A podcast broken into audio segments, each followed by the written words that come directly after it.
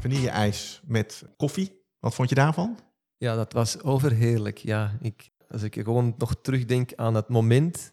Ik, ik heb toen op dat moment ook uh, nog tegen Ad gezegd: hier vlak in de buurt is een uh, Italiaans restaurant waar dat ze café glacé ook uh, serveren. Het is best wel, best wel oké. Maar met wat ik nu gedegusteerd heb van Ad, dan kan hij daar wel eens wat, misschien wat opleiding gaan geven ja. om het niveau nog naar een iets hoger niveau te trekken dan het ongetwijfeld al wel zal zijn. Hey, hallo, welkom. En leuk dat je luistert naar De Smaak van Vakmanschap, de podcast over ambachtelijk ijs met mastels en Pim. We gaan beginnen.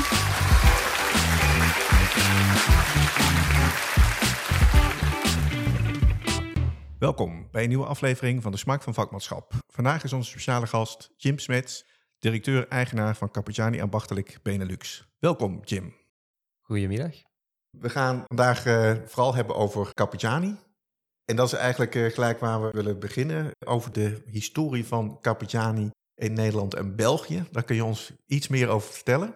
Ja, absoluut. Volgens mij is het zo dat uh, Cappuccini eigenlijk al heel lang actief is in België.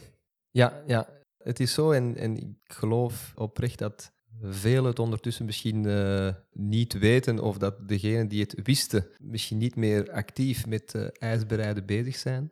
Maar uh, Carpigiani is al sinds de jaren 60, denk ik juist te zijn, sinds 1960, al actief in de, in de Belgische markt via het toenmalige bedrijf Friesland Food Service. Het noemde toen wel anders, maar het is, achteraf is daar uh, Madibik, uh, Lerco is daaruit voortgevloeid. Lerco Friesland was de eerste dealer van Carpigiani in Europa, maar dan voor de Belgische markt. En uh, wat oorspronkelijk ook een bedrijf was die eigenlijk dan eh, grondstoffen deed voor de ijsbereiders en daar de machines bij gekomen. En ondertussen had dat bedrijf zich dan afgescheurd van de ingrediëntentak verder doorgegroeid als dealer voor ijsmachines en bakkerijmachines.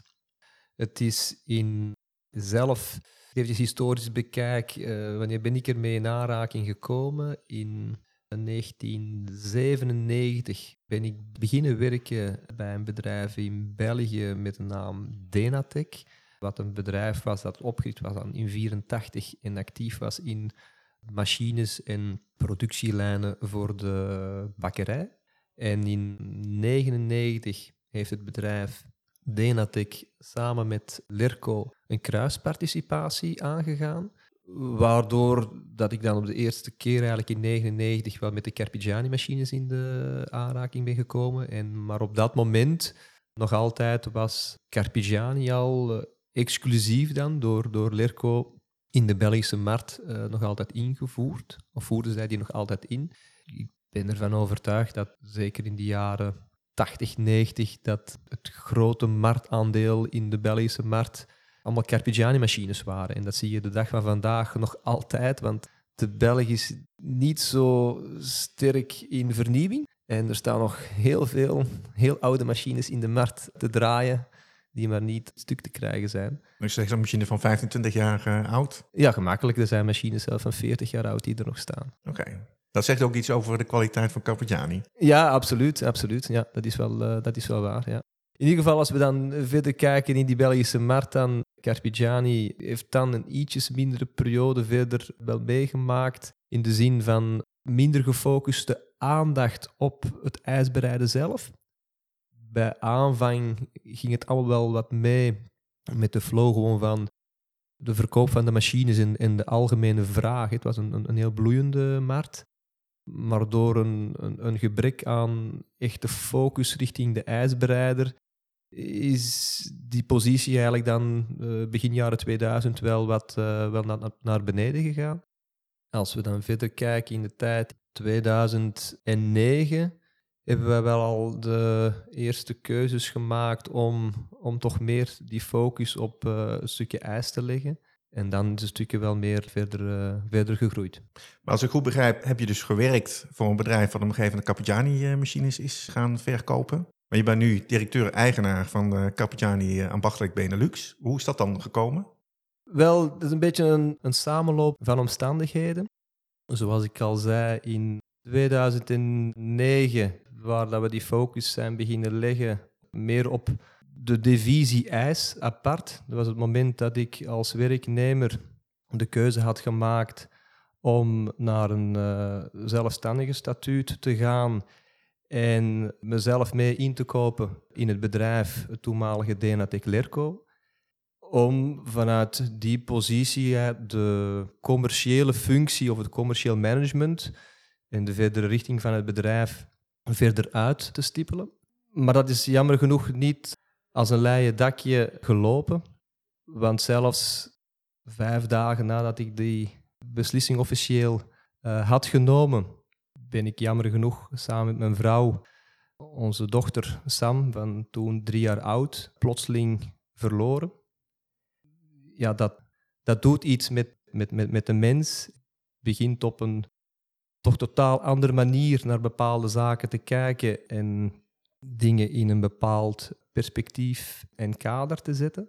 Ja, door het gebeuren van het verlies van, van onze dochter, net zelfstandige statuut, de dromen en ambities die dat er dan ook businessgewijs waren, zijn we op een andere of ben ik alleszins op een andere manier ernaar naartoe gekeken. En wat oorspronkelijk gezien het plan was om het bedrijf Denatec Lerco samen met de voormalige eigenares uh, verder te zetten, is door al die omstandigheden veranderd in een moment waar dat uiteindelijk geresulteerd heeft dat in 2011 ik de, de moed bij elkaar had genomen om het bedrijf volledig over te nemen en volledig naar, ik, zou, ik, ik wou eigenlijk zeggen naar mijn hand te zetten, maar dat is een, niet de juiste uitspraak, maar het was meer om het bedrijf naar de hand te zetten van de mensen die toen al in het bedrijf werkten en die ook een bepaalde visie hadden hoe dat het verder beter zou kunnen lopen. En samen met hen hebben wij een, een nieuwe koers beginnen varen. Hebben we samen beslist om van de naam Denatec Lerco afscheid te nemen en dat om te zetten naar Artiso. Oorspronkelijk gezien was het Artiso Bakery and Ice Cream Equipment. En binnen Artiso hadden we dan vooropgesteld om, om terug te komen op die focus in de markt, om vier divisies op te richten. Divisie ijs, wat de dag van vandaag Carpigiani ambachtelijke Benelux is, de divisie bakkerij, de divisie service en de divisie industrie, omdat dat toch weer een aparte wereld is, kwestie van benadering van, van klanten en type machines. Ja, dat stukje ehm, met focussen op een divisie apart en meer de aandacht te geven aan het product op zich en niet zozeer het bedrijf dat het verkocht, heeft wel een kentering in de, in de markt eh, gegeven. We zijn heel hard beginnen focussen op het eindproduct, met andere woorden, in dit geval het ijsje zelf, omdat we ervan overtuigd waren, hoe lekkerder dat je dat ijsje kan maken, hoe meer een consument dat ijsje wil gaan proeven en gaan consumeren, hoe meer reisjes dat die consument dan weer al neemt, hoe meer dat die machines uh, moeten werken. Ofwel moet de klant dan een grotere machine hebben, of die wilt een machine bijplaatsen. En als wij ervoor kunnen meehelpen om die, om die smaak goed te krijgen, dan volgen wij wel op het einde van de, van de weg om daarmee van, uh, van te profiteren. Dus we hebben echt de keuze gemaakt om in te zetten op de smaak. En vandaar ook dat ja, sinds 2011 onze, onze baseline toen bij Artiso was effectief ook de smaak van vakmanschap. En dat is waarschijnlijk niet toevallig ook de naam van, uh, van deze podcastreeks. Nee, dat is, dat is natuurlijk ook zo. Kijk, ik zelf als uh, ijsmaker zie dat zelf ook, dat de smaak ontzettend belangrijk uh, is. En het vakmanschap zorgt er eigenlijk voor dat je het lekkerste en misschien wel het beste ijs kunt maken. Dus toen wij met elkaar spraken, ik zei ik wil eigenlijk wel een podcast beginnen over ambachtelijk ijs met de naam, de smaak van vakmanschap, toen werd je ook gelijk een stuk enthousiaster. Dus dat is inderdaad een bewuste keuze om die er ook te gebruiken. Want volgens mij staat niet alleen Artiso, maar ook Capigiani voor de smaak van vakmanschap. En dat zie je natuurlijk ook terug, zeker bij Capigiani, in de Capigiani opleidingscentrum, Capigiani Gelato University. Waar we nu ook zitten, hier in Zandhoven in België. Prachtige locatie. de alle mogelijke faciliteiten. Hoe belangrijk is zo'n Gelato University voor Capitani Benelux? Ik denk dat de belangrijkheidsgraad van university stellen we in de praktijk vast dat die gedurende de jaren alsmaar belangrijker en belangrijker is geworden. Initieel gezien, wanneer we daarmee uh, mee starten in uh, 2016, we, wou, we wilden al, zoals ik al zei, die aandacht leggen op, op de smaak. En om die aandacht te leggen op de smaak, ja, dan is het ook wel belangrijk. Je kan kwalitatieve ingrediënten gebruiken, je kan kwalitatieve machines gebruiken, maar het is allemaal een en-en-en verhaal. En ik geloof dat iedereen die uh, morgen in iets beter wil zijn dan vandaag, die investeert daarin en die gaat opleidingen volgen. En uh, vanuit dat gedachtegoed, ja, als je opleidingen volgt als, als ondernemer bijvoorbeeld om uh, balansen te lezen of uh, een marketingplan op te stellen. Ja, zo is het ook uiteraard belangrijk als je morgen een beter ijsje wil maken, dat je opleidingen volgt, hoe dat je dat ijsje kan perfectioneren. Door die opleidingen hebben we effectief gezien, en die impact had ik eerlijk niet direct verwacht, dat toch de kwaliteit van het, van het ijs in België is de, is de laatste jaren enorm, enorm hard op vooruit gegaan. En ik ga helemaal niet zeggen dat dan die, um, deze groei enkel alleen te wijten is aan, aan, de, aan de Gelato University. Want uiteraard heeft het heel veel te maken met de mensen die gewoon dat, dat ijs maken. En er zijn heel veel uh, mogelijkheden om, om uh, jezelf in het ijs te specialiseren. En wij zijn een onderdeel van, van, van heel dat geheel. Maar we zijn toch blij dat we daar op deze manier mee kunnen bijdragen. En als ik kijk naar hoeveel inschrijvingen we voor onze cursus toch jaarlijks krijgen, en dat dat gewoon gelijkmatig altijd maar is opgebouwd, dan denk ik dat we wel durven stellen dat we, het, ja, dat we best een, een, een opleiding geven op een hoog uh, niveau. En hij is er nu natuurlijk niet bij, maar heel veel credits gaan naar onze, onze eigen PIM natuurlijk, die ervoor zorgt dat hij op het meest vakbekwame manier de kennis overdraagt aan de studenten. Ja. Ja, dat is, ook, het is natuurlijk heel uh, apart. Dat in uh, Nederland hebben we natuurlijk wel een opleidingscentrum speciaal op ijsrecht, het IJscentrum in Vlaardingen. Zoiets hebben we in België niet. Dus eigenlijk nemen jullie die belangrijke rol in die markt daarin. Ja, ja sowieso voor, um, voor België nu merk je dat er ook wel daar een evolutie in is, maar uh, zeker in 2016 waren wij de, de enige die uh, effectief op dit niveau alleszins een, uh, een opleiding organiseerde. Voor alle duidelijkheid, wij hebben die opleiding niet zelf verzonnen vanuit Benelux gegeven, maar Carpigiani Italië was al veel langer bezig met hun eigen university in, in Bologna. En ja, soms moet je het wiel niet, niet uitvinden, maar kan je een, een goede formule ook wat moduleren. En het is niet dat we één op één de cursussen hebben overgenomen uit Italië, maar de basis van de, van de opleiding die, die ligt, wordt daar wel gemaakt. En we zetten het gewoon een beetje naar de, naar de hand van de, de cultuur die dat er in het, in het land zitten. Een 100% Italiaans ijsje of een Belgisch-Italiaans ijsje, dat zijn nog altijd wel niet dezelfde zaken. En daar moet je volgens mij ook cultuurmatig ook rekening mee houden. Ja. Maar niet alleen uh, Capitani Italië heeft natuurlijk heel uh, bezig geweest met de opleidingen. We hebben natuurlijk ook vanuit Nederland het ijscentrum, toen de tijd naar Wageningen zat, heeft ook Teun Lonen grote verdiensten gehad in uh, de opleidingscentrum. Dat is nu naar Vlaardingen verhuisd. Onder Lentis worden die opleidingen nu aangeboden. Maar we hebben in Deventer ook een opleidingscentrum, ook het Gelato University.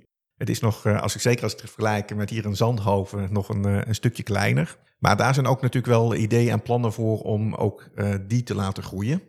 Ja, ja, dat, ja dat, klopt. We zeggen altijd, je moet eerst stappen en dan, en dan lopen. Omdat we gezien hadden dat in, in België voor de, de Belgische markt, voor de ijsbereider, een, toch een heel gegeerde oplossing was hebben we eh, beslist om in Nederland hetzelfde te kunnen doen. Om ervoor te zorgen dat, die, dat de Nederlander niet altijd tot in Zandhoven moest, uh, moest komen. En hebben we daar met uh, mogelijkheden die we op korte termijn konden uitvoeren, een Gelato University geïnstalleerd, hè, waar we nu vandaag ook al cursussen kunnen geven. Maar zoals je aangeeft, het is nog niet van die grote orde en uitstraling die dat we in, in België hebben.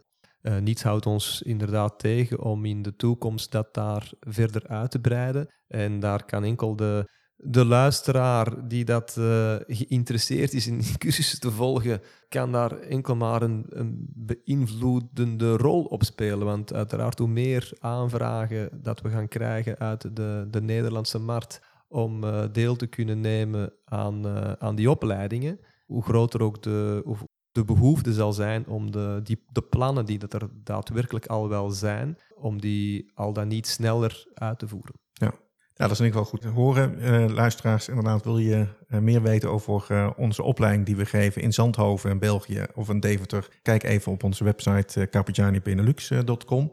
Maar dan hebben we nu toch even over, over Nederland. Ehm, je bent eigenlijk begonnen met uh, de verkoop van Capitani ijsmachines, ambachtelijke ijsmachines in, in België. Maar op een gegeven moment is daar ook Nederland bij gekomen. Ja, dat verhaal begint ongeveer in 2015. We hadden, ik ga, ik ga eventjes terug om het uh, wat duidelijker te maken voor de, voor de luisteraar. Dus in 2011 met het uh, volledige overnemen van de zaak en die pijler te leggen op het ijs hebben wij in België van 2011 tot 2015 onze omzet verdrievoudigd. En dat was Italië, Bologna, Carpigiani Bologna, uiteraard niet ontgaan. Dat we op korte termijn mooie successen hadden geboekt. Op dat moment ging het in Nederland iets minder voor de wind met, met Carpigiani. Wat toen Carpigiani Nederland 100% een dochterbedrijf was van Carpigiani Bologna, hadden ze beslist om het dochterbedrijf te verkopen. In die periode ook hadden ze in Bologna uh, verschillende divisies opgericht. Een divisie die gespecialiseerd was op meer de softijsmachines en een divisie die gespecialiseerd was op de, wat zij noemen de professional en zoals wij het kennen, de, de ambachtelijke machines. Ze hadden beslist om een stukje Carpigiani Nederland in twee stukken te verdelen. Enerzijds de softtak en anderzijds de ambachtelijke tak omdat wij in België voor 95% 90, 95% onze omzet wel degelijk uit de ambachtelijke machines kwam en dat we daar onze specialisatie in hadden, kregen wij de eerste mogelijkheid of kans om die tak, dat gedeelte van Carpigiani Nederland op dat moment, om die over te nemen. In het soft gedeelte zou dan naar Teunlonen zelf gaan, die toen nog ook mee binnen uh, Carpigiani Nederland zat. En zo gezegd, zo gedaan. Hè. We, hebben, we zijn eigenlijk heel trots dat toenmalig CEO Andrea Cocchi van Carpigiani Bologna, die nu trouwens CEO is van de volledige Ali-groep, dat hij ons gecontacteerd heeft als eerste in rang om te kijken of wij geïnteresseerd waren in die overname. Op een aantal maanden tijd hebben we dat samen besproken en rondgemaakt. En sinds 1 februari 2016 was het ontstaan van Carpigiani ambachtelijk Benelux een feit, waar dat we uit één organisatie ons gingen richten op de ambachtelijke ijsbereider in België en de ambachtelijke ijsbereider in, uh, in Nederland. En onder de naam Carpigiani. Dus we mochten toen al en nu ook nog steeds uh, Carpigiani ambachtelijk uh, Benelux. En ook geldt dat eigenlijk voor de Nederlandse markt dat we eigenlijk sinds dit jaar ook uh, de titel of de naam uh, Capitani Ambachtelijk Nederland mogen gebruiken. Ja, klopt. Uiteindelijk, we hebben altijd met uh, de dag van vandaag, nog altijd is er een hele transparante samenwerking tussen Carpigiani Bologna en Carpigiani Ambachtelijk Benelux.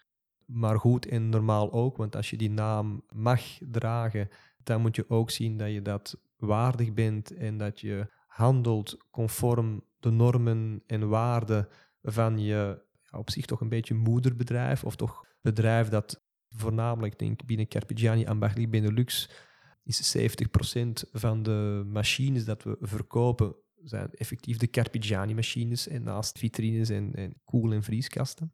En door die eerlijke, transparante samenwerking hebben ze ons dat vertrouwen gegeven om dat op die manier naar, eh, naar buiten te brengen ja, als ik gewoon kijk in de, in, in de praktijk, blijkt dat ook wel de juiste weg te zijn. En, uh, en dan heb ik het niet zozeer over enkel het gebruik van de naam uh, Carpigiani, maar voornamelijk de oprechtheid, de eerlijkheid, de, de transparantie om de zaken aan te pakken zoals de fabrikant ze zelf zou willen aanpakken in, uh, in de markt. Ik ben vermoedelijk een beetje een atypisch ondernemer, denk ik. De meeste ondernemers die, uh, ja, die willen zelf hun eigen, eigen zin en eigen wil uh, in de organisatie wat doordrukken.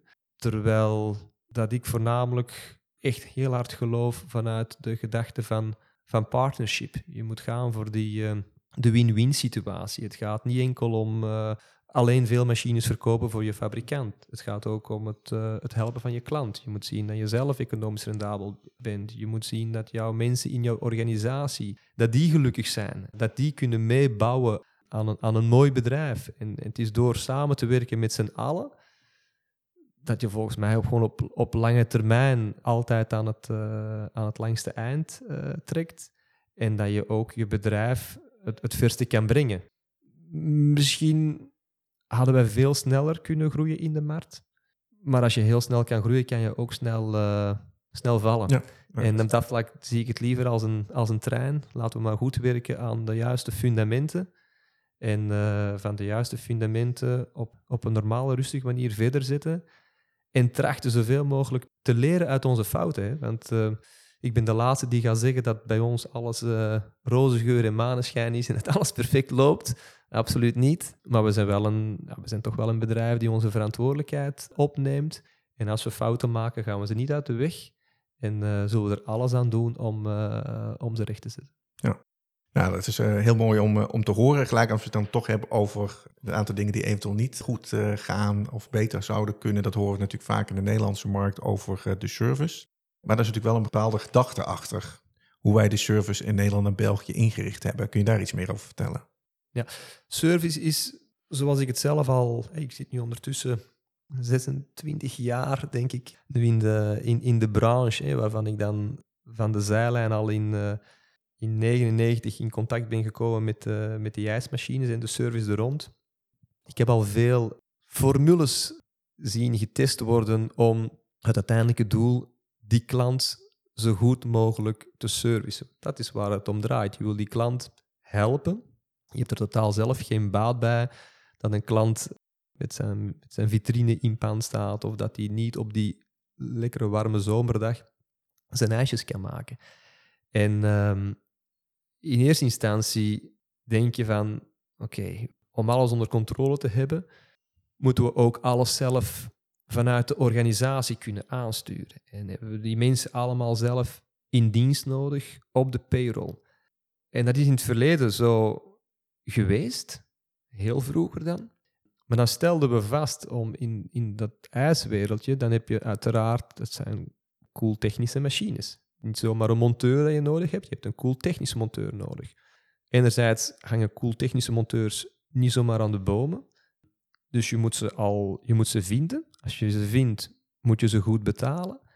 En je moet ook voor een economische realiteit zorgen. Maar je kan aan zo'n cool technische servicemonteur die in-house hebt, wij konden dat alleszins niet, die kan je niet een heel jaar door constant laten werken op die ijsbereider. Want die ijsbereider, die, het, is een, het is meer een seizoensproduct. We zien de laatste jaren dat dat seizoen wel meer en meer gerokken wordt, maar het is geen continuïteit twaalf maanden lang. En als je dan tegen een monteur moet zeggen van ja, nu moet je vier maanden thuis zitten, dan blijft die ook niet die manier van werken heeft ervoor gezorgd, als je dat zou willen doorduwen, dan werd heel dat gebeuren te duur voor het bedrijf en met andere woorden ook te duur voor de klant. Als er geen continuïteit in zit in die technische installaties of het oplossen van storingen, dan gaat ook de, de kennis van de, van de monteur zelf wordt niet op dezelfde manier geprikkeld om constant vooruitgang te boeken. Je moet soms terug, hoe was dat nu weer? Dat is toch weer een tijdje geleden. En dat was gewoon niet de juiste manier om, om aan de klant jouw vakmanschap te tonen. Want dat is wel de smaak van vakmanschap. De focus was nog altijd wel professioneel werk afleveren. En we stelden gewoon vast dat we met onze eigen mensen waren we niet in staat om professioneel werk af te leveren. Dat is dan de reden geweest dat toen al voor België en in Nederland was het ook al zo, toen dat er nog geen, dat nog Carpegiani Nederland was, werd er met in Nederland noemen ze het dan hè, ZZP'ers, Ja. gewerkt om in Nederland de service eh, te doen. Er werd ook met bepaalde vier servicefirma's eh, gewerkt. En het was allemaal geografisch wat gespreid en die werden dan aangestuurd. Maar de facturatie liep wel degelijk vanuit het bedrijf dat de machines verkocht. En in België deden we dat op een gegeven moment op dezelfde manier. 2016, hè, dat we dan de samenwerking, eh, samenwerking, wanneer dat dan het Benelux-verhaal is, ehm, is ontstaan, zijn we op dat moment dat ook op dezelfde manier weer gaan verder zetten om met servicepartners de markt zo goed mogelijk te bewerken en zo goed mogelijke service te leveren. En dat doen we de dag van vandaag nog, eh, nog altijd. Eh, als ik dan wel kijk van 2016 tot nu, is er al wel een, een, een omschakeling geweest met, eh, met servicepartners. De vorige servicepartners is op een gegeven moment zelf met concurrerende ijsmachines beginnen werken. Ja, dan wordt het moeilijk natuurlijk om daar een samenwerking mee, mee verder te zetten. Maar ja, het is wat het is. En eh, de, de klanten verdienen een goede service. Als je op een gegeven moment een A-product koopt, dan eh, heb je recht ook op een A-service.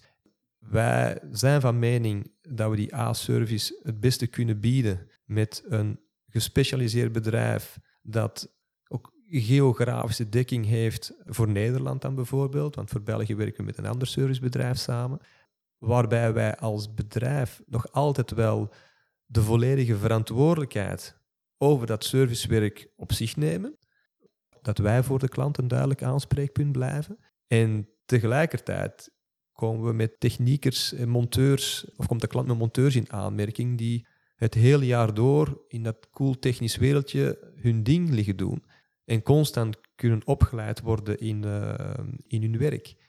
In de praktijk is het ook zo dat je wil altijd, je wil altijd beter worden.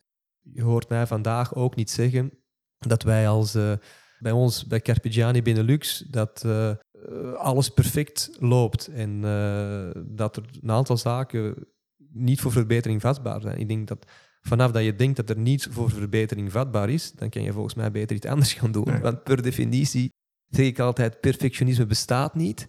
En dat betekent dat je altijd kan groeien. Je kan altijd beter worden. En daar moeten we gewoon constant in blijven, blijven investeren. En uh, ja, we hopen gewoon met de komende maanden, jaren, verder aan dat uh, traject te kunnen werken. Om het, het serviceniveau in de, in de Nederlandse markt steeds maar hoger en hoger op te trekken. Ja. En dat is belangrijk wel inderdaad om te weten, wat je al aangaf, is feit is dat uh, alle service calls komen gewoon binnen bij Carpigiani Benelux. Daar worden ze ook uh, beoordeeld en wordt met de klanten overlegd wat er eventueel wel en niet gedaan kan worden. Veel storingen kunnen al telefonisch worden opgelost. Dat is ook het fijne dat het rechts bij Carpigiani binnenkomt omdat daar ook het uh, niveau en de ervaring heel hoog is. Dus ze kunnen makkelijker schakelen. Maar ook dat het feit dat we, als we monteurs op pad uh, sturen, dat het allemaal cool technisch gecertificeerde monteurs uh, zijn. En dat we natuurlijk ook, en dat vind ik zelf altijd heel, heel belangrijk, dat het altijd gaat om originele Carpigiani onderdelen. Die wij vervolgens weer, weer plaatsen. Omdat wij natuurlijk wel de kwaliteit die we hebben van Carpigiani natuurlijk ook in de onderdelen terug willen zien. En dat het in feite op een goede manier door onze opgeleide uh, monteurs uh, ook verzorgd kan, kan worden. En dat de facturatie inderdaad, en daarom nemen wij ook die verantwoordelijkheid op. Service calls komen bij ons binnen. Wij overleggen met onze servicepartners en wij factureren zelf de klant. Klopt, klopt, ja. Normaal gesproken hebben we ook altijd een, een vragenlijstje die ik eigenlijk onze gasten wil voorleggen. en dat wil ik in feite nu ook met, met jou doen. Wie is er aan de beurt? Wil je een horentje of een bakje? Nou, dan beginnen we eigenlijk met de eerste vraag, uh, Jim. Horentje of een bakje? Wel, de laatste keer heb ik een bakje genomen, maar ik pak niet altijd een bakje. Ik ben op dat vlak, uh, ik heb niet zo een, altijd dezelfde keuze. Het hangt een beetje van de situatie af. Hè. Als ik een bakje heb ik de laatste keer zeker genomen, omdat ik, het was toen een hele warme dag. En ja, ik kan ook niet ja, beginnen morsen, want als je een horentje pakt en, en het ijs begint snel te smelten, ja. dan is het soms wel wat een, uh, een gedoe. En daarom heb ik toen gekozen voor een, uh, voor een bakje. Maar ik moet wel zeggen dat als er zijn een aantal heel lekkere, van die, die, die heel stevige hoorntjes, krokante koekjes. Ja. Als ik dan zo'n koekje met een ijsje kan eten, dan geniet ik wel meer van het ijsje dan het uit het bakje komt. En ik geloof ook wel naar de toekomst toe dat ik mogelijk wel meer geneigd zal zijn om te kiezen voor het horentje. Ondanks de mogelijkheid tot, uh, in het Vlaams smossen, omdat we ook wel bezig zijn met, met duurzaamheid, uh, met het bedrijf. En, en vanuit die optiek, ja, als je dan een stukje kartonnen potje of, of, of plastieke bekertje niet hoeft weg te gooien, ja, dan draag je op kleine schaal er ook wel bij. en uh, ja, lijkt het me alleszins slimmer, nu dat ik, ik ben eigenlijk aan het, denken en praten tegelijkertijd, om, om volgende keer, als je die, mij die vraag nog eens stelt binnen een half jaar, dat ik kan zeggen van, ik kies altijd voor een horentje. Ja, precies. Nou, een hele goede keuze. Met of zonder slagroom? Ik kies, eh, als ik een uh, ijsje koop bij, ja, aan de kust bijvoorbeeld, dan neem ik altijd zonder slagroom. gewoon omdat ik dan echt puur de, voor die smaak van het ijs ga. Ik ga dan vanuit dat je bij een, een ijsbereider komt, dat hij op een vakkundige manier zijn ijsje heeft gemaakt en dan wil ik het, het, het ijsje zo goed mogelijk kunnen, kunnen proeven. En dan kies ik zonder slagroom. Als ik hem in een restaurant een ijsje neem, en ik weet dat het eh, zelf uh, opgeklopte room is dat ze erbij doen en niet van een of ander spuitbusje of zo. Ja. ja. dan kan ik ook wel genieten van dat ijsje met, uh, met de room. Ja, hartstikke goed. Eén of twee bolletjes, of misschien meer? Nu één bolletje. Vroeger waren het er meer, maar ik ben ook een beetje in de, in de fase dat ik uh, wat aan mijn conditie aan het, uh, aan het werken ben en dan tracht toch niet zoveel uh, suikers binnen te nemen. Dat is een goede reden om één bolletje te nemen. welke smaken neem je altijd of verwisselt dat heel erg? Dat verwisselt niet zo heel erg. Ik, ik zal in, in acht acht, van de tien gevallen kies ik toch altijd wel de, de vanillesmaak eruit. Zeker als ik, als ik zie, bij de meeste ijsbreiders is het wel zo dat dat met verse vanillestokjes gemaakt is. Als ik kan zien nog eens dat het met de machine van ons is nog extra, maar dat op zich is niet de doorslaggevende reden. En bij een, in, in een restaurant zou ik dan nog makkelijk voor die dame blanche kunnen kiezen. Hè. Dus de combinatie van ja. vanille-ijs met, uh, met, met chocolade en dan, en dan die slagroom. En wie is er dan aan de beurt? Nou, we hebben het net van uh, Ad docent aan het Capitano Gelato University, een avocado gekregen. Of een café glacé, uh, zoals jullie het eigenlijk in België zeggen. Vanille-ijs met koffie. Wat vond je daarvan? Ja, dat was overheerlijk. Ja, ik, als ik gewoon nog terugdenk aan het moment ik, ik, heb toen op dat moment ook uh, nog tegen Ad gezegd, hier vlak in de buurt is een uh, Italiaans restaurant waar dat ze café glacé ook uh, serveren het is best wel, best wel oké. maar met wat ik nu gedegusteerd heb van Ad, dan kan hij daar wel eens wat, misschien wat opleiding gaan geven om het niveau nog naar een iets hoger niveau te trekken dan het ongetwijfeld al wel zal zijn. Maar dit was echt gewoon een, een smaakbom. Hè. Dat, was heerlijk. Ja, heerlijk, we moesten zelfs even deze podcast iets vertragen, omdat we zo zaten te genieten van uh, die avocado die hij had gemaakt. Ad, wat proef ik hier juist nu? Wat ik nu heb binnengebracht is een eigenlijk een klassieker uit Italië, een avocado. Een avocado is een, eh, een vanille-ijs met uh, espresso eroverheen. En ik heb hier een toevoeging gedaan, een eigen gebrande koffielikeur. En voor de isolatie van je ijs een cake gedrenkt in die koffielikeur. Prachtig alleszins, de, de smaakpapillen zijn hier echt wel mee, uh, mee gestreeld. Dankjewel. Na het proeven van het heerlijke ijs van Ad waren Jim en Massels wel toe aan een korte pauze. Deel 2 van dit gesprek hoor je daarom later deze week. Wil je het vervolg niet missen? Abonneer je dan gelijk op de podcast De Smaak van Vakmanschap. Bedankt voor het luisteren en tot de volgende aflevering. Wil je meer weten over onze podcast De Smaak van Vakmanschap of de aflevering van vandaag? Kijk dan op onze website of Instagram-account. Horen graag wat je ervan vond. Laat gerust een comment achter en vertel het ons als je een interessant onderwerp hebt of als we jou een keer in de podcast moeten hebben. Blijf je graag op de hoogte van nieuwe afleveringen en recepten? Abonneer je dan vandaag nog op de nieuwsbrief en mis geen enkele aflevering. Bedankt voor het luisteren. Slagroom erbij?